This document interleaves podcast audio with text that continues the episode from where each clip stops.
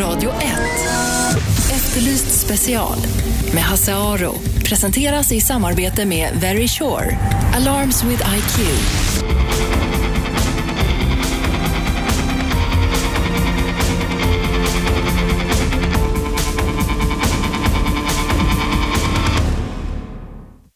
Välkomna hit, Efterlyst special lyssnar ni alltså på. Det är... Eh, jag försöker göra en annan grej här samtidigt, därför det låter lite konstigt. Sådär, nu har jag gjort det. Efterlyst special lyssnar ni på och det är en märklig dag idag. Eh, alla dagar är märkliga på sitt sätt, men idag är det en märklig dag för idag är Palmemordet, eh, det 26 år gamla mordet, återigen första stoff på svenska tidningar. Där man då presenterar en ny kandidat till eh, gärningsman.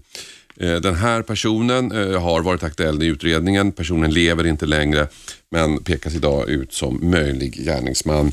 Eh, det som jag kan, som journalist kan tycka är lite intressant att detta gjorde vi i tv-programmet Efterlyst redan för ett år sedan när det var 25-årsdag för eh, Palmemordet så pratade vi om den här personen och hans eventuella inblandning. Och eh, då som nu så eh, kommer de här uppgifterna från Danmark, från en dansk författare, Paul Smith, som har skrivit om Palmemordet, intresserat sig om Palmemordet och som alltså hittat den här nya kandidaten, den här nya miss, eh, möjliga gärningsmannen. Och Paul, vad är det som gör honom intressant? Ja, man hittar honom redan i granskningskommissionens betänkande på sidan 955 till 960. Det var där jag upptäckte honom. Där han ju totalt anonym, anonymiserat. Mm. Uh, och uh, ja, och det skrev jag så i sin tid en, en faktadeckare om. Mm. Och så efteråt så uh, närmade sig tiden för 25-året för mordet. Ja. Och på den tiden, där trodde jag ju att, att när 25 år hade gått, då ville, vad heter det, øh, mordet ha blivit øh, preskriberat. Just det. Och därför tänkte jag att så kan mannen, jag visste ju inte han var död, Ja. øh, där kan mannen alltså ställa sig upp och, med sin revolver och skratta åt hela svenska folket. Mm. Øh, och så tänkte jag, nej, han ska veta att det i alla fall var en som hade pekat på honom. Och därför skrev jag så en, en faktabok utifrån detsamma. Och den kom så ut øh, på 24, kring 24-årsdagen för mordet. Øh, Ja, det, det var den väl den korta versionen. Vad är, det som gör, vad är det som gör att svenska tidningar reagerar idag då? Det är därför att nu har han fått namn och vad heter det, ansikte. Mm. Det hade han inte tidigare, där var han ju anonym. Mm.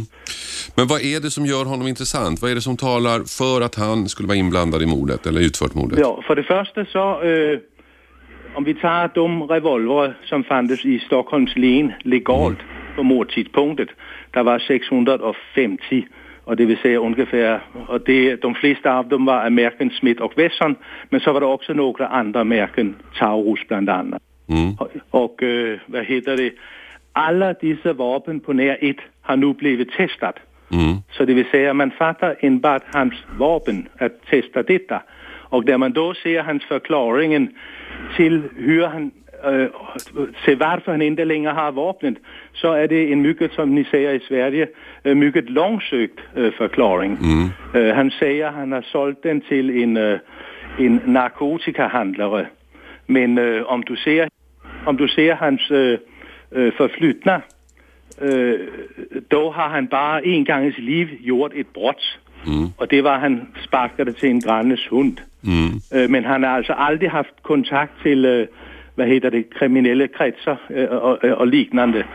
Øh, så, så, øh, hvad hedder det, at han skulle sælge sit vapen til, til en sådan person, det virker inte speciellt øh, sannolikt för mig i alla fall. Nej. Så man kan säga att han, han ägde det enda vapen som inte är provskjutet, som man känner till som inte är Ja. provskjutet. Og så bodde han jo bare ungefär 20 minutters promenad från øh, biografen Grand. Han bodde op på Helsingegatan i Vasastaden. Mm. Och han promenerade ganska mycket på, på Sveavägen. Mm. Och han hade, øh, vad heter det, øh, när polisen äntligen avhörde honom øh, nio år efter mordet så upptäckte de ju att han hade en mycket, mycket stor likhet med, øh, vad heter brottsplatsvittnenes øh, förklaring om hur gärningsmannen såg ut. Den så kallade grannmannen alltså. Precis, alltså det är helt, helt, eller jag vill säga, inget är säkert här i världen, men øh, det är nästan 100% säkert att mördaren var grannmannen. Och det kan man speciellt se om man får, har fått, får tillgång till, som jag har fått, hela, vad heter det, kriminalkommissarie Jan Olsson och øh, øh, psykiater Ulf Åsgaards, vad heter det, gärningsmansprofil och brott, brottsplatsanalys. Därför där kan du läsa om en del vittnen som aldrig har varit framme tidigare därför att de finns inte i brottsutredningen mot Christer Pettersson. Nej. Och det är alltså vittnen som också har sett sådan en øh, type øh, springa runt dels innan øh, filmen började klockan øh, 21 och øh, 15 och dels efter filmen som makarna Palme så hade tagit slut. Mm. Vi har fakt jag har faktiskt med mig Ulf Åsgård på telefon, en annan linje. Och Ulf, du kan bekräfta att den här mannen var aktuell i utredningen. Eh, Ja visst, eh, det, det, var, det framgår ju som Paul sa av granskningskommissionens utlåtande Mm. 1999 där kommissionen riktade mycket skarp kritik mot utredningen för att man inte hade gått eh, till botten med, med detta uppenbara eh, spår. Mm. Och vad var det som då gjorde att han var intressant? Ja, Paul har ju sagt det mesta om det, men eh, ehm, i första hand så är det ju den osannolika eh, historien om hur han har sålt vapnet. Att han eh, faktiskt var kallad två gånger eh, för att komma med sitt vapen och inte gjorde det. Han påstod senare att han aldrig hade fått någon kallelse och eh, ja, ja, postverket kan ju misslyckas en gång men knappast två gånger till en och samma person.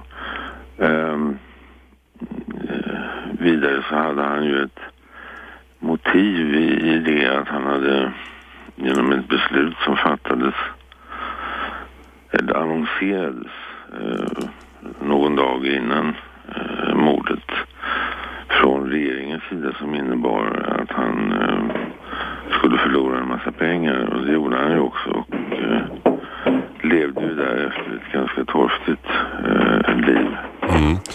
Vad, vad är då förklaringen till att det tog nio år innan man hörde honom att han inte hade större plats i utredningen från början? Ja, du, det, det kan inte jag svara på. Jag arbetade ju aktivt kan man säga i utredningen med brottsanalysen och gärningsmannaprofilen 93-94. Mm. Och det ledde ju till att eh, ett, eh, ett 80-tal personer tror jag eh, plockades fram. Och den här mannen stämmer ju enligt min uppfattning mycket bättre med profilen än vad Christer Pettersson gör som jag aldrig har trott som, som gärningsman. Nej. Eh, ni, du, du, skrev, du gjorde en profil på honom och eh, skrev, eh, och, vilket ledde till att, att intresset eh, ökade för honom. Men hur, vad hände egentligen? Han, han blev aldrig riktigt avhörd eller förhörd. Eh, jo, då, det tror jag nog att han blev. Eh, men eh, de närmare detaljerna om det, det, det eh, jag inte prata om Nej. och B, vet jag inte så mycket om. Men det skrivs i tidningen om att när polisen kom till honom så sköt han sig, men riktigt så dramatiskt var det inte då. Man hann höra honom, man har pratat med honom. Så, eh, det, var ju, det var ju bara några år sedan. Ja. Eh, och ehm, det, de eh, utredningsåtgärder som vidtogs, det skedde ju på 90-talet. Mm.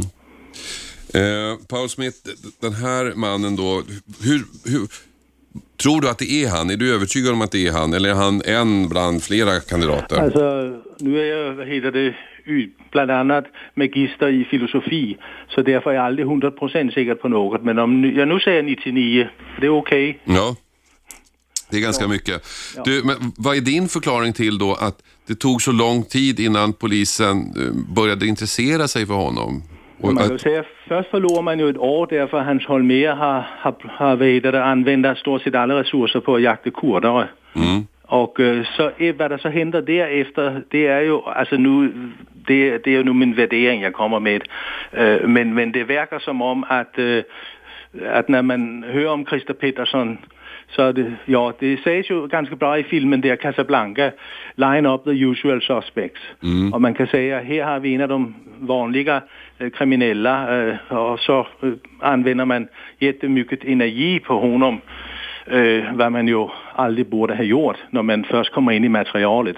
Är de lika varandra, Christer Pettersson och den här killen? i alla fall på höjden, men man får lige tänka på en sak, det var att, äh, vad heter det, när Palme mördades, där hade Christer Pettersson, om nu ska säga det lite, ska vi säga, äh, teatralsk, där hade han ju stort sett levat enbart på amfetamin i lång tid. Mm. Och det vill säga, han var mycket, mycket, vad säger ni på svenska, slim? Eller mm. slank? Ja, smal, smal, smal, smal ja. ordet, ja, smal. Han var mycket smal. Äh, Mm. Så det vill säga på mordtidspunktet, där liknar han i alla fall inte kroppsligt sett Nej. den andra mannen. För det Men finns det gjorde han ju så sedan när Lisbeth Palme utpekade honom. Där hade han blivit halv, kvartfet, kan vi, kvartfet kan vi väl säga. Mm. Men Lisbeth pekade ju ut Christer Pettersson. Ja. Men där ska man ju veta att efter vi har fått DNA-profiler där är det i alla fall 100 personer som har fått släppa fri för de alltså är blivit dömt äh, på grund av felaktiga utpekanden. Mm. Och vad heter det, det har man så gjort, det är några vittnespsykologer där har gjort analyser kring vad är det som gick fel.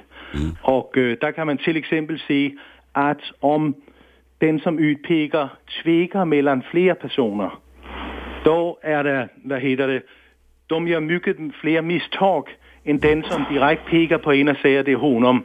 Och Lisbeth Palme hon tvekade alltså på, äh, vad heter det, äh, Christer mm. och två andra. Det vill säga, alltså hon är den grupp som, äh, vad heter det, som är, är dåliga utpekare. Dessutom så äh, har, har, vad heter det, disse vittnespsykologer hittat ut av att i de poliskretsarna där man gör ett line-up som det kallas, vid nästan, nästan utan, vad heter det, något indicier øh, mot en person. Där gör man tio gånger så många fel som i de mer seriösa poliskretsarna där man, øh, äh, vad heter det, först gör ett line-up när äh, man har till exempel stöldgods eller liknande äh, från den person som blir lined upp. Mm. Och där gör man alltså tio gånger så många fel øh, där var man alltså gör ett line-up utan øh, anledning. Och i Christer Petterssons fall vill jag påstå man gjorde ett line-up utan äh, anledning. Mm. Ulf äh, Åsgård, äh, du som jobbat med det här. Äh, den vi pratar om nu är död. Han tog sitt eget liv. Christer Pettersson är död. Finns det överhuvudtaget någon strimma hopp att det här någonsin ska lösa sig? Ja, den strimman är inte särskilt eh, vid och bred och särskilt lysande. Det, det måste jag ju medge. Mm. Um, det är väl möjligt att det slumpmässigt kan dyka upp information eller uh, föremål som, som uh, leder vidare. Det gjorde det ju till exempel i Lasermannautredningen och det har det gjort i andra utredningar också. Mm. Men jag menar, realistiskt eh, så, så, så är, är, är väl saken möjlig att lägga åt sidan vid det här laget. Tack så mycket Ulf Åsgård för att vi fick ringa dig. Tack också Paul Smith för att vi fick ringa dig. Detta med anledning av den nya eh, nygamla får man väl säga, mm. personen som, som pekas ut så som eh, misstänkt i Palmemordet. Eh, kvällstidningarna idag är fulla av det. En person som ägde det enda vapen eh, av eh, aktuell modell som inte har provskjutits. Tack för att vi fick ringa Efterlyst special. Lyssnar ni på. Eh, vi är strax tillbaka efter pausen. Radio 1. Efterlyst special med Hasse Aro presenteras i samarbete med Very Sure. Alarms with IQ.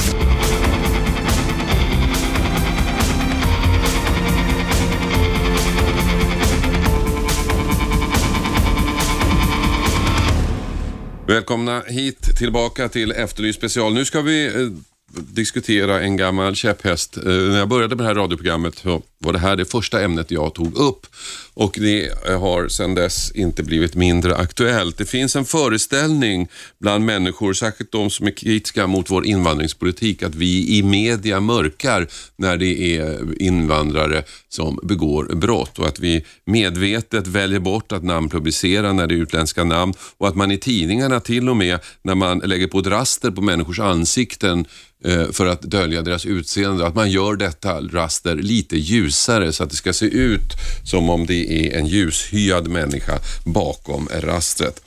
Den här föreställningen, eh, den här diskussionen kom jag med i, i samband med ett efterlyst program eh, som vi hade för, ja det är väl två år sedan nu, när Leif GW Persson som då var bisittare hävdade att eh, det, det, fungerar så här i media att vi då döljer eh, när det är invandrare som begår, begår brotten. Detta med anledning av ett antal frågor han hade fått och just där och då handlar det om Landskrona-ärendet där en man hade slagit till eller knuffat en kvinna på en parkeringsplats och hon dog. Och så här, sa, så här gick diskussionen då mellan mig och Leif. Hur kommer det sig att vi, man, alla mm. tidningar, vi också, publicerar namn och bild på, på exempelvis Mats Alm och Ragnar Nilsson, mm. men inte på den åtalade mannen i Landskrona? Mm. Och, och, jag är ganska säker på varför, nämligen att hade Mats Alm och Ragnar Nilsson hetat exempelvis Ali Ben Hassan mm. så hade vi inte publicerat. Men där har du helt fel. Det tror jag inte ett ögonblick ja, men det, det, Där kan jag säga att du har helt fel. För alltså. Det är nämligen jag som bestämmer där. Ja, just det. Just och anledningen till att vi inte publicerar bild på mannen i Landskrona är att det är inte avgjort om han är skyldig eller inte. Det, det Mats Alm valde att gå ut själv, jo, och, så jo, han tog beslutet jo, åt oss. Ragnar och Ragnar Nilsson har erkänt. Ja, Hagamannen no, var... Så no, där, där, där, måste jag säga att där har du helt fel. Nej, jag, jag tror inte att jag har helt fel. Det kan du inte säga eftersom det är jag som bestämmer och gör dessa avgöranden. Ja, men du kan väl inte ändå svara för Aftonbladet och alla andra Nej, det kan inte jag, men för oss kan jag. För oss kan jag. Men okej då. Men detta tycker jag är lite konstigt och det borde man ta en diskussion om. Ja, det tyckte Leif GW Persson var lite konstigt och detta borde man ta en diskussion om och eh, det var precis min plan just nu. Eh, är det verkligen så? Är det verkligen sant att media mörkar när det är invandrare som begår brott? Om man går in på olika sidor på nätet så är, så är det väldigt många som är övertygade om detta och den här snutten som jag spelade upp här är då, eh, finns på Youtube i väldigt många versioner där alla skriver att GV är en hjälte och att han äntligen talar sant. Mats Dagerlind, du skriver bland annat på Avpixlat som är en eh, internetsajt som diskuterar invandrarfrågor. Du tror också att det finns en, någon slags konspiration? Ja, jag skulle inte säga att jag tror, utan jag är tämligen övertygad om det. Eh, det framställs ju ofta som en konspirationsteori bland, vad ska jag säga, de här eh, Sverigedemokraterna som målas ut som obildade arbetslösa personer som sitter och hetsar i kommentarsfält och så vidare. Men vi hör ju själv här att eh, framstående kriminologer som Leif GW Persson har samma uppfattning. Och sen ska vi ha klart för oss att det här är ju bara en del utav ett mycket större koncept inom media. Det handlar inte bara om att dölja namn och etnicitet på utländska gärningsmän, utan det handlar ju om att överhuvudtaget mörka, vad ska jag säga, mångkulturens misslyckande. Mm, men om vi håller oss till eh, den som jag kan, nämligen namnpublicering och publicering, ja, ja. så är det intressanta är ju den här diskussionen med Leif här. Jag vet ju att han har fel där. Jag ja. vet ju, och det kan jag säga till dig också, när det gäller då Efterlyst och namnpublicering så vet ju jag att den där, det där stämmer ju inte. Men jag kan säga det hundra gånger, jag kan säga det till Leif och han, ja. eller ni tror inte på mig. Så vad är problemet? Ja. Problemet är väl precis som att vissa människor är övertygade liberaler, andra socialister. Mm. Det, är, det, är svårt att hitta någon absolut sanning om, om saker och ting. Men och som du säger här, att du kan, som Leif GW säger i det här uh, inslaget, att du kan ju bara ta uh, ansvar för dina publiceringsbeslut. Mm. Men uh, jag ser ju dagligen som uppmärksamhet på det här mm. att andra tar, nu har inte jag följt exakt vad du, vad du publicerar. Mm. Sen är det ju en annan sak också med vad jag förstår, TV3 har ju frikostigare möjligheter än som... För namnpublicering i, i allmänhet, ja. ja. Namnpublicering är ju en ganska komplicerad fråga och i Sverige eh, så är, är pressen i, i, regel mycket mer eh, eh, restriktiva med att publicera namn och grundlägen är att man publicerar inte ett namn på någon som inte är dömd och så gör man inte det om inte brott, eh, straffet är två års fängelse, fängelse eller mer. På Efterlyst så har vi ju, är vi lite tuffare än så. Ja, Okej, okay, jag tänkte tvärtom, men okej. Okay. Eh, det, dessutom så är det ju så otvetydigt att det är ju inskrivet i eh, pressens etiska regler att man ska Mm. bete sig på det här, just det här sättet. Va? Fast man gör det väldigt selektivt. Det står punkt 16, ska man inte eh, ange, undvika publicera bild eller uppgift om yrke, titel, ålder, nationalitet, kön Mm. eller annat som gör en identifiering möjlig, står det. Va? Och det här har ju media då använt, de, de har ju så att säga tunnelseende här, för det enda de så att säga inte publicerar är nationalitet. De övriga uppgifterna publiceras ju regelmässigt. Jag är till exempel 54-årig stockholmare och eh, om det är en 54-åring bosatt i Stockholm som har begått ett rån och han dessutom är härstammar från Somalia, så får vi ju veta att det är en 54-årig man från Stockholm. Och då är jag utpekad som grupp då, som 54-åring, jag är utpekad som stockholmare, jag är utpekad som man. Och det ska man ju enligt publiceringsreglerna inte heller göra. Men nationaliteten, att det var en kille med somaliskt eller afghanskt ursprung, Men det är inte- den ja. sorteras bort. Men det intressanta är att ni som reagerar på det, ni reagerar bara på när det är somalier som sorteras bort i sådana fall. Man skriver ju inte nationalitet på någon. Om man vore finne skulle inte se någon konspiration. Jo, visst, jag tycker, men det finns ju ingen anledning att skriva nationalitet om man säger att eh, det är en svensk eh, gärningsman. Dessutom så, så, så får ju det den konsekvensen att man misstänkliggör en mycket större grupp. Och det, det pressetiska tycker jag väl är att begränsa så att säga, den grupp man misstänkliggör så mycket som möjligt. Va? Och kan man då säga att det är en somalier, en afghan eller åtminstone Men varför ska man säga det? Därför att det, det ligger ju i, i eh, allmänintresset. Varför gör du det? Det det är där jag inte riktigt begriper. Varför ligger det i allmänt intresse Ja, om det är en vem- finn eller en somalier, Vad- vad- svensk eller skåning? Eller varför ligger det? Vad ligger det i för allmänintresse att veta att killen var just 54 år, att han bo, bosatt i Stockholm då, att han man var måste- man? Man måste skriva något för att liksom, man kan inte bara skriva en person. Så det, är en, det, är ett sätt, det är ett sätt att och liksom Ja. konkretisera sig utan att peka ut någon. Att jag det, är, nej, det gör man inte. Man pekar ju ut flera grupper där. Alla människor har ju flera grupptillhörigheter. Men problemet är väl lite grann att du och dina kompisar, om det står somalier så får ni bekräfta på att det är bara somalier som begår bankrån. Men 54-åriga män, du känner dig inte utpekad även om det är en annan 54-åring som har begått bankrånet. Du, du drar inga växlar från det, förstår? Äh, Ja, det, där kommer vi in på det problemet då, att, att eh, journalister har alltså, de, de har ett slags förmyndarskap där de säger att läsarna är inte mogna, de kan inte bearbeta den här informationen om att det var en somalier, därför att då drar de en massa fördomsfulla växlar på det och, och extrapolerar och generaliserar. Men däremot att det var 54-åringar, stockholmare, det, det, är liksom, det är helt okej, det, det anförtror man läsarna att vara kompetenta. Och jag undrar, är det medias verkligen uppgift att vara förmyndare för läsarna? Är inte det ren censur och förmyndarskap? Mats eh, Dagelind säger det som är, eh, skriver för bland annat eh, eh, nättidningen Avpixlat. Vi diskuterar om det är, verkligen är så att media mörkar att det är invandrare som begår brott, att vi namnger svenskar men inte invandrare. Det här är en intressant diskussion. Det är dags för reklam. Vi fortsätter efter reklamen och då vill jag att ni ringer in också. 0200 11 12 13. Radio 1. Efterlyst special med Hasse Aro. Presenteras i samarbete med Very Sure. Alarms with IQ.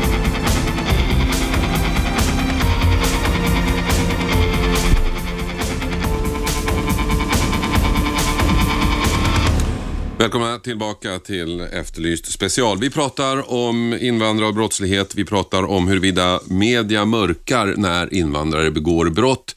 Eh, det finns då en ganska eh, utbredd uppfattning om att i media så namnger vi inte när det är folk med invandrarnamn som begår brott och eh, medan vi gärna namnger svenskar och vi, eh, i tidningarna när man då eh, lägger för ett raster på människors ansikte för att inte känna igen dem så lättar man lite på ljusnivån i den så det ska se ut som det är en ljusare människa bakom än vad det är. Vi hörde före pausen Mats Dagerlind som är krönikör bland annat på Avpixlat en eh, nätsida som diskuterar invandrarfrågor ur ett kritiskt perspektiv.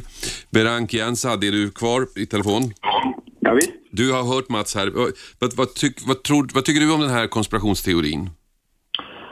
Ja, jag vill börja med att säga att jag normalt inte debatterar med konspirationsteoretiker, så jag Nej. ser inte detta som någon debatt, utan jag ser det som ett, ett litet samtal dig och mig emellan. Ja. Eh, Det är väldigt viktigt att nämna för min del. För det vidare så är det så här att jag har eh, forskat i det här, jag har skrivit om detta i över tio års tid. Eh, vilket gör att jag har tillgång till någonting som kallas statistik och forskning eh, som är ganska lätt att tillgodogöra sig. Mm. Om man börjar granska det man säger, alltså eh, dels så säger man att man, eh, man media inte skriver om eh, ja, avigsidorna av integrationen om vi liksom Mm. sammanfattar det med det. Om vi kollar på forskningen så visar det sig att media skriver fyra gånger mer negativt eller eh, eh, än positivt eller neutralt om personer med annan etnisk bakgrund. Detta är ingen trend, det är någonting som har legat konstant i över 30 år. I över 30 år har svensk media rapporterat fyra gånger mer negativt än positivt. Har det möjligen färgat bilden av, den, eh, av, eh, av personer med annan etnisk bakgrund? Mm, tror det. Sen kan vi även börja kolla på varför man ska publicera namn eller inte. Vad är huvudanledningen? Vad är liksom kravet? Varför ska man publicera? Jo, för att man ska veta att det är ett visst antal personer från ett visst antal, eh, från viss bakgrund som ägnar sig åt viss typ av brottslighet. Fint, då har vi kriminologisk statistik för att kolla om detta stämmer eller ej. Om vi kollar på den kriminologiska statistiken, då ser vi att 97 procent av, svenska, av etniska svenskar aldrig begår ett brott i sitt liv som upptäcks eller lagförs. Är ni med på den skillnaden? Sen har vi 90, motsvarande siffra för personer med annan etnisk bakgrund är 94 procent. Alltså 94 procent av personer med annan etnisk bakgrund begår aldrig ett brott under sina liv i Sverige som upptäcks eller lagförs. Mm. Sen ska, till detta ska vi då lägga att vi har en fullständigt rasistiskt rättsväsende i Sverige. Vi har haft två små rapporter kring detta som har pratat med eh, åklagare, domare och dylikt där man visar att man löper i princip tre till fyra gånger större risk att bli dömd och bli dömd till hårdare straff, eh, längre straff och så vidare om man råkar ha ett eh, utländskt klingande namn eller ett utländskt utseende. Detta är också ett faktum. Det är inget som vi behöver diskutera. Sen kan vi då börja granska lite grann varför man vill då att man ska skriva ut den här eh, brottsligheten. Jo, för att man drivs av en fascistoid ideologi som gör skillnad på människa och människa, som gör skillnad på kultur och kultur, som gör skillnad på ras och ras. Det vill man då leda i bevis genom här kommer också en liten eh, intressant parallell. Man hävdar att media ljuger och i alla sina eh, sanningsserum som man eh, ordinerar så hänvisar man till exakt samma medieberättelse eftersom man inte har själv någonting att komma med. Utan man, man hänvisar till samma lögnaktiga media då. Liksom, som, Men, men du, om du ska försöka som komma ner till publiceringen här nu. Ska om, man... vi, om vi pratar om publiceringen återigen så handlar det så här va? att dels så, så säger man att det är vissa människor som ägnar sig åt viss typ av brottslighet. Kriminologisk statistik visar att det är framför allt finnar som är helt överrepresenterade Jag vet. i all typ av... Efter finnar kommer danskar, efter danskar kommer norrmän. Sen är det också sådär, om vi kollar på våldtäkter, extremt intressant. Vem begår, alltså vem är den typiska våldtäktsmannen i Sverige? Jo, det är en etnisk svensk man som våldtar sin egen närstående i deras gemensamma hem. Detta är också statistik. Mm. Det skulle då innebära att varje gång man skriver om ett våldtäkt, eller mord för den delen, så skulle man då gärna skriva svensk man, svensk man, finsk man, dansk man. Mm. Skulle vi göra det, då skulle vi se att, åh jäklar, vad det är många, många svenska män som dödar, våldtar sina närstående i sina egna hem. Vad beror det på? Ska vi kanske börja prata om den svenska världen? Men det, det är en form av publicering när man skriver vem som har, vilken nationalitet som har begått ett visst brott. Men när man sen, när, när personen ska, när, när man namnpublicerar personen. Detta hänger ihop. För det första, media har en väldigt stor makt. Det innebär att man ska använda den makten varsamt. Det är liksom eh, ett ganska vägledande principiellt eh, etiskt eh, princip där va. Den makten kan även störa rättsprocesser. Vi har haft väldigt många fall om det, jag behöver inte gå in på det. Va? Den juridiska principen är sådan att du är oskyldig till motsatsen bevisat. I brottsmål krävs det att det ska vara ställt bortom allt rimligt tvivel. Det är ett ganska högt ställt beviskrav. Om åklagaren inte når upp till det beviskravet så frikänns du. Det innebär att du är frikänd. Det innebär att varken media eller folkets eh, eller någon pöbeljustis ska komma och flåsa dig i nacken. Därför ska man vara försiktig och helt avhålla sig från namnpublicering innan en dom har avkunnats. Mm. men- Det är någonting som de flesta intelligenta människor med ett uns av heder och samvete kan inse.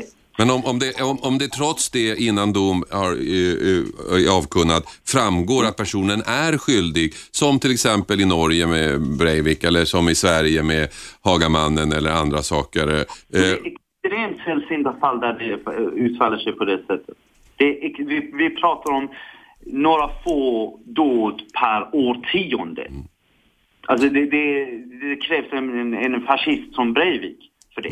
Det krävs liksom en eh, masspsykotisk eh, mö, mördare som, som Peter Mangs.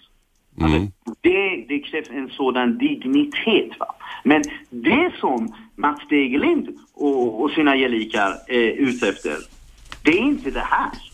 Det är inte sanningen. Det är deras fascistoida, lögnaktiga bild av verkligheten.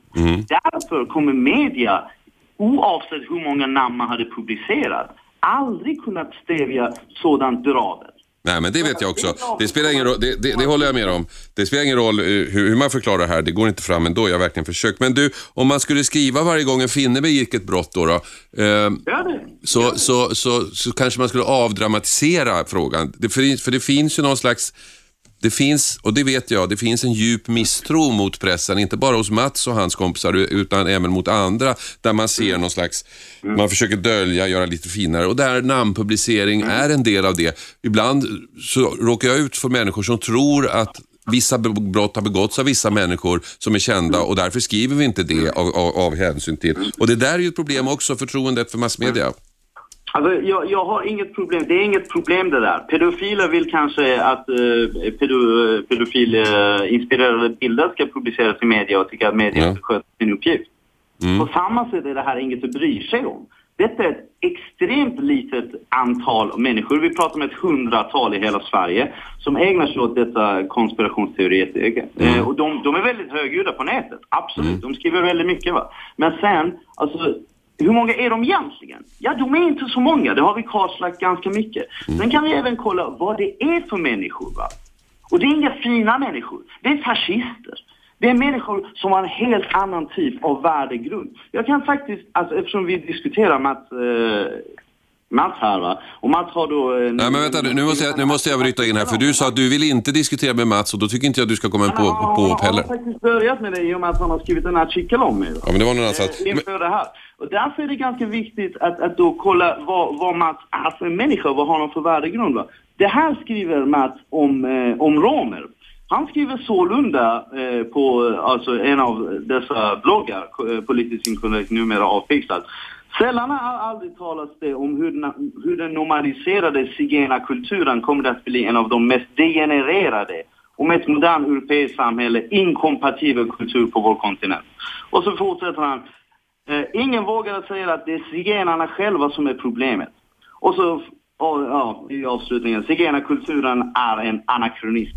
Det är dessa människor vi pratar om. Det är dessa människor med den här typen av värdegrund och människosyn vi pratar om. Dessa människor är inget att bry sig om. Vad de säger är fullständigt irrelevant i ett demokratiskt samhälle. För de är fullständigt oönskade element i ett demokratiskt samhälle. Ni lyssnar alltså på Efterlyst special. Vi diskuterar invandring, eh, brottslighet och media. Är det sant att media döljer när invandrare begår brott? Vad tycker du som lyssnar? Ring in din synpunkt 0200 11 12 13. 0200 11 12 13. Du kan också gå in på Twitter, hashtag Samex, S-A-M-E-X och eh, berätta vad du tycker där. Eh, 0200 11 12 13. I studion har vi Mats Dagelin som eh, är skribent på Avpixlat en nättidning. På telefon finns Verank Jansad som eh, skriver för olika eh, tidningar, bland annat Expressen och Sydsvenskan, eh, författare och debattör. 0200 11 12 13. Jag är intresserad av vad du har att höra. Jag tar pa, eh, samtal under reklamen. Radio 1. Efterlyst special med Hasse Aro. Presenteras i samarbete med Very Sure. Alarms with IQ.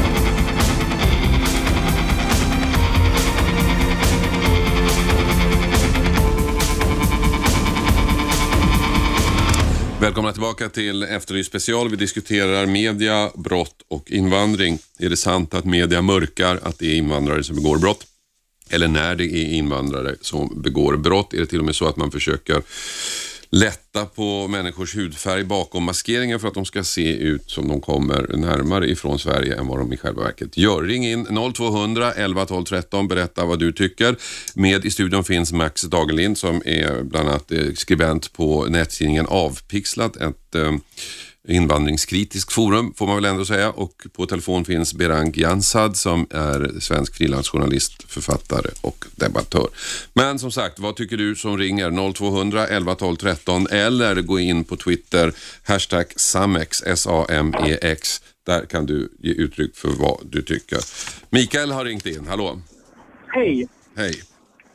Jag har en fråga angående den förra killen som pratade. Jag vet inte vad han hette, men han hade massor med siffror. Berang, ja. Ja, eh, jag tänkte, var finns de här siffrorna att tillgå? Berang?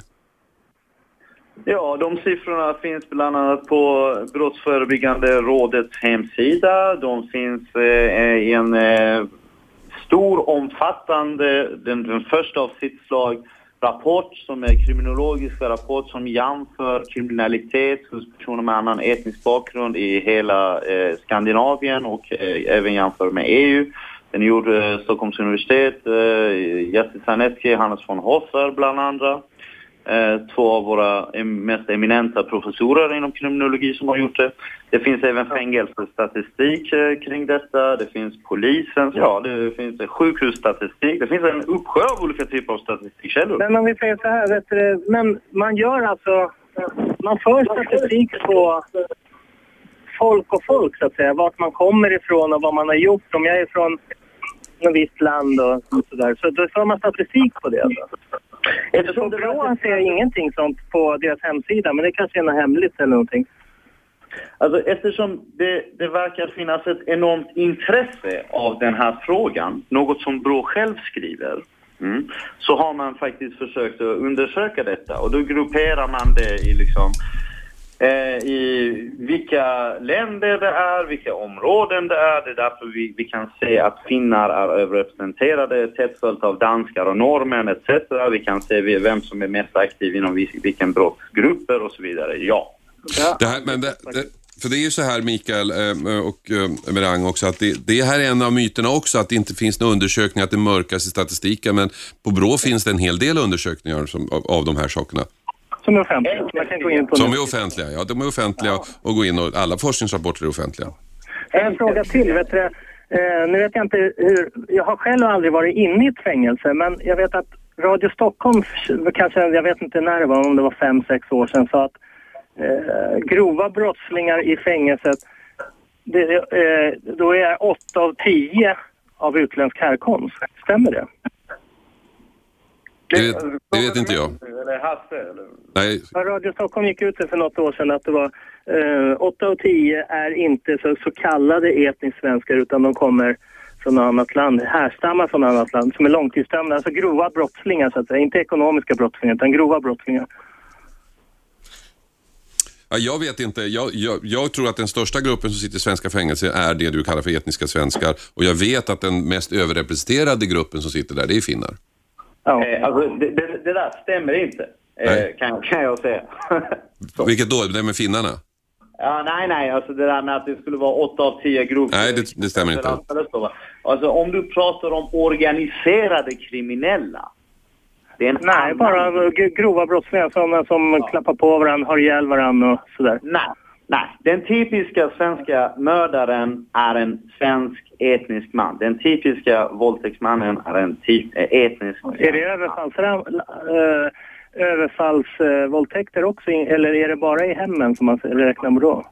Alltså det, överfallen våldtäkten i hemmen står ju för lejonparten av våldtäkterna. Överfallsvåldtäkter är extremt få. Extremt få. Men av dem då? Hur många av dem är etniska svenskar? Men vänta Mikael, Mikael, Mikael. Nu är du på väg in i det här resonemanget som jag ofta stöter. Du, du kommer med ett påstående, det stämmer inte. Du smalnar av ditt påstående, du smalnar av ditt påstående, du smalnar av ditt påstående tills du får det men svar du vill ha. Och så säger du sen, ja det var väl det jag sa. Men om vi tar, om vi tar eh, gängbråk i Stockholm city så tror jag, ja, jag tror att det finns en viss överrepresentation där bland icke-etniska svenskar. Ja. Tror Sen, jag. sen, jag måste bara säga det här. Det är också väldigt viktigt varför man begår brott. Extremt intressant. Vem är det som begår brott? Jag ska faktiskt nämna att i den här rapporten som är den första rapport av sitt slag som gör en jämförelse mellan olika länder och dess, eh, alltså olika invandringsgrupper och så vidare. Va? Mm, det är den första. I den så kommer man fram till, vad då? Jo, att när man justerar bort alltså eh, föräldrarnas utbildningsnivå, eh, social klass och så, sådana saker, så försvinner alla skillnader mellan infödda och icke-infödda. Mm. Är du med? Mm, ja, han har lagt på, men jag är med. Vi pratar klass. Vi ska ta in en lyssnare till. Mikael, hallå? Eller Michel, förlåt. Ja, hej. Hej. Mikael heter jag då. då. Ja. Eh, jag är ingen expert i liksom det här. Jag kan ju bara prata om eh, vad jag har råkat ut för själv. Jag är då 24 år, fyller 25 i sommar. Mm. Eh, och eh, bott runt om i Stockholm på alla möjliga ställen, både norr och söder. Och jag har blivit, under ett års tid så var jag inne på SÖS för grov misshandel mot mig då. då åtta gånger på ett år. Ja. Och, ja, och samtliga gånger så vart jag påhoppad i tunnelbanor utanför tunnelbanestationer och det var av folk med annan etnisk bakgrund än svensk. Mm. Och de här brotten då, det är ju självklart ett brott som jag har utsatts för. Mm. Jag har, jag har aldrig fått, varje gång så anmälde jag det till polisen. Och sen två månader senare så får man ett papper att undersökningen läggs ner för det finns inga bevis. Men anar du en... Kom... För det första måste jag säga att äh, blivit överfallen åtta gånger är extremt ovanligt. Extremt ovanligt. Extremt ovanligt. Eh, Jag har aldrig hört talas om det tidigare, någonsin. Jag har hållit på med det här i 30 år. Eh, Men menar du att det ligger någon slags konspiration bakom att de lägger ner det här? Nej, konspiration, det finns inget, det, det jag ville säga, det, det går liksom inte att, eh, att gå på statistik. För det är så många brott som begåtts, begås som liksom inte, de registreras inte överhuvudtaget. Okej. Jo, de, de, de, de registreras visst, de, an, alltså, de finns som anmälda. De registreras visst. Ja, Alla hur många är det som anmälningar de finns. Ja, men det, det, alla anmäler inte brotten, det är många... Det finns, det finns ett stort mörkertal när det gäller våldsbrott. Anmält, sa du. Ja, det, är alltså, det är det Ja, då är det. Mörkertalet är ju väldigt högt. Mörkertalet är ju fruktansvärt högt. Så jag Ja, inte man kan ja, det finns ett mörkertal, det gör det. Det finns ett mörkertal när det gäller våldsbrott om man jämför anmälda brott och till med till exempel akutmottagningarna. Det finns det. Det finns ett mörkertal. Men har du anmält det så har det ju inte sållats bort. Nej, men det är, sam, det är samma sak med våldtäkter. Det är inte alla våld, det är väldigt få våldtäkter som anmäls. Det har man ju själv kommit fram till. Ja. Liksom, Och, är- men, jag, jag kan inte exakta procentantalet våldtäkter som anmäls, men just i hemmet så är det väldigt sällan att, någon, att kvinnan i fråga anmäler detta. Ja, men vet du vad det fina är, Micke? Det är nämligen så här att man, forskare, mm, de ägnar sig dag ut och dag in åt sådana saker. Mm. Så det finns till och med forskning och statistik kring mörkertal. Okej? Alltså har man brutit ner inom vilket brott som mörkertalet är störst och varför. Okej? Och mörkertalet är inte särskilt stor när det gäller alltså, de här grova brottsligheterna. Mm? Varför? Eftersom det är väldigt eh, ja, iögonfallande brott och så vidare och det är liksom, ja, man, man, det, det, samhället vill prioritera det, man, man arbetar aktivt med olika kampanjer och så vidare. Våldtäkt, det är, en- det är liksom, det är en helt annan typ av brottslighet. Berang, vi hinner inte gå in på det, den där, för att vår tid är slut. Eh, Jag får tacka dig för att du var med på telefon fast du var tveksam. Och tack ni som ringde in. Tack Mats eh, Daglin för att du kom hit också. Eh, vi hann inte få med några hashtags eller någonting. Tiden går fort när många vill debattera. Om en liten stund så är Cissi Wallin här i studion. Jag är övertygad om att ni kan ringa in även då. Så, så missa inte det. 101,9 Radio 1. Sveriges nya pratradio.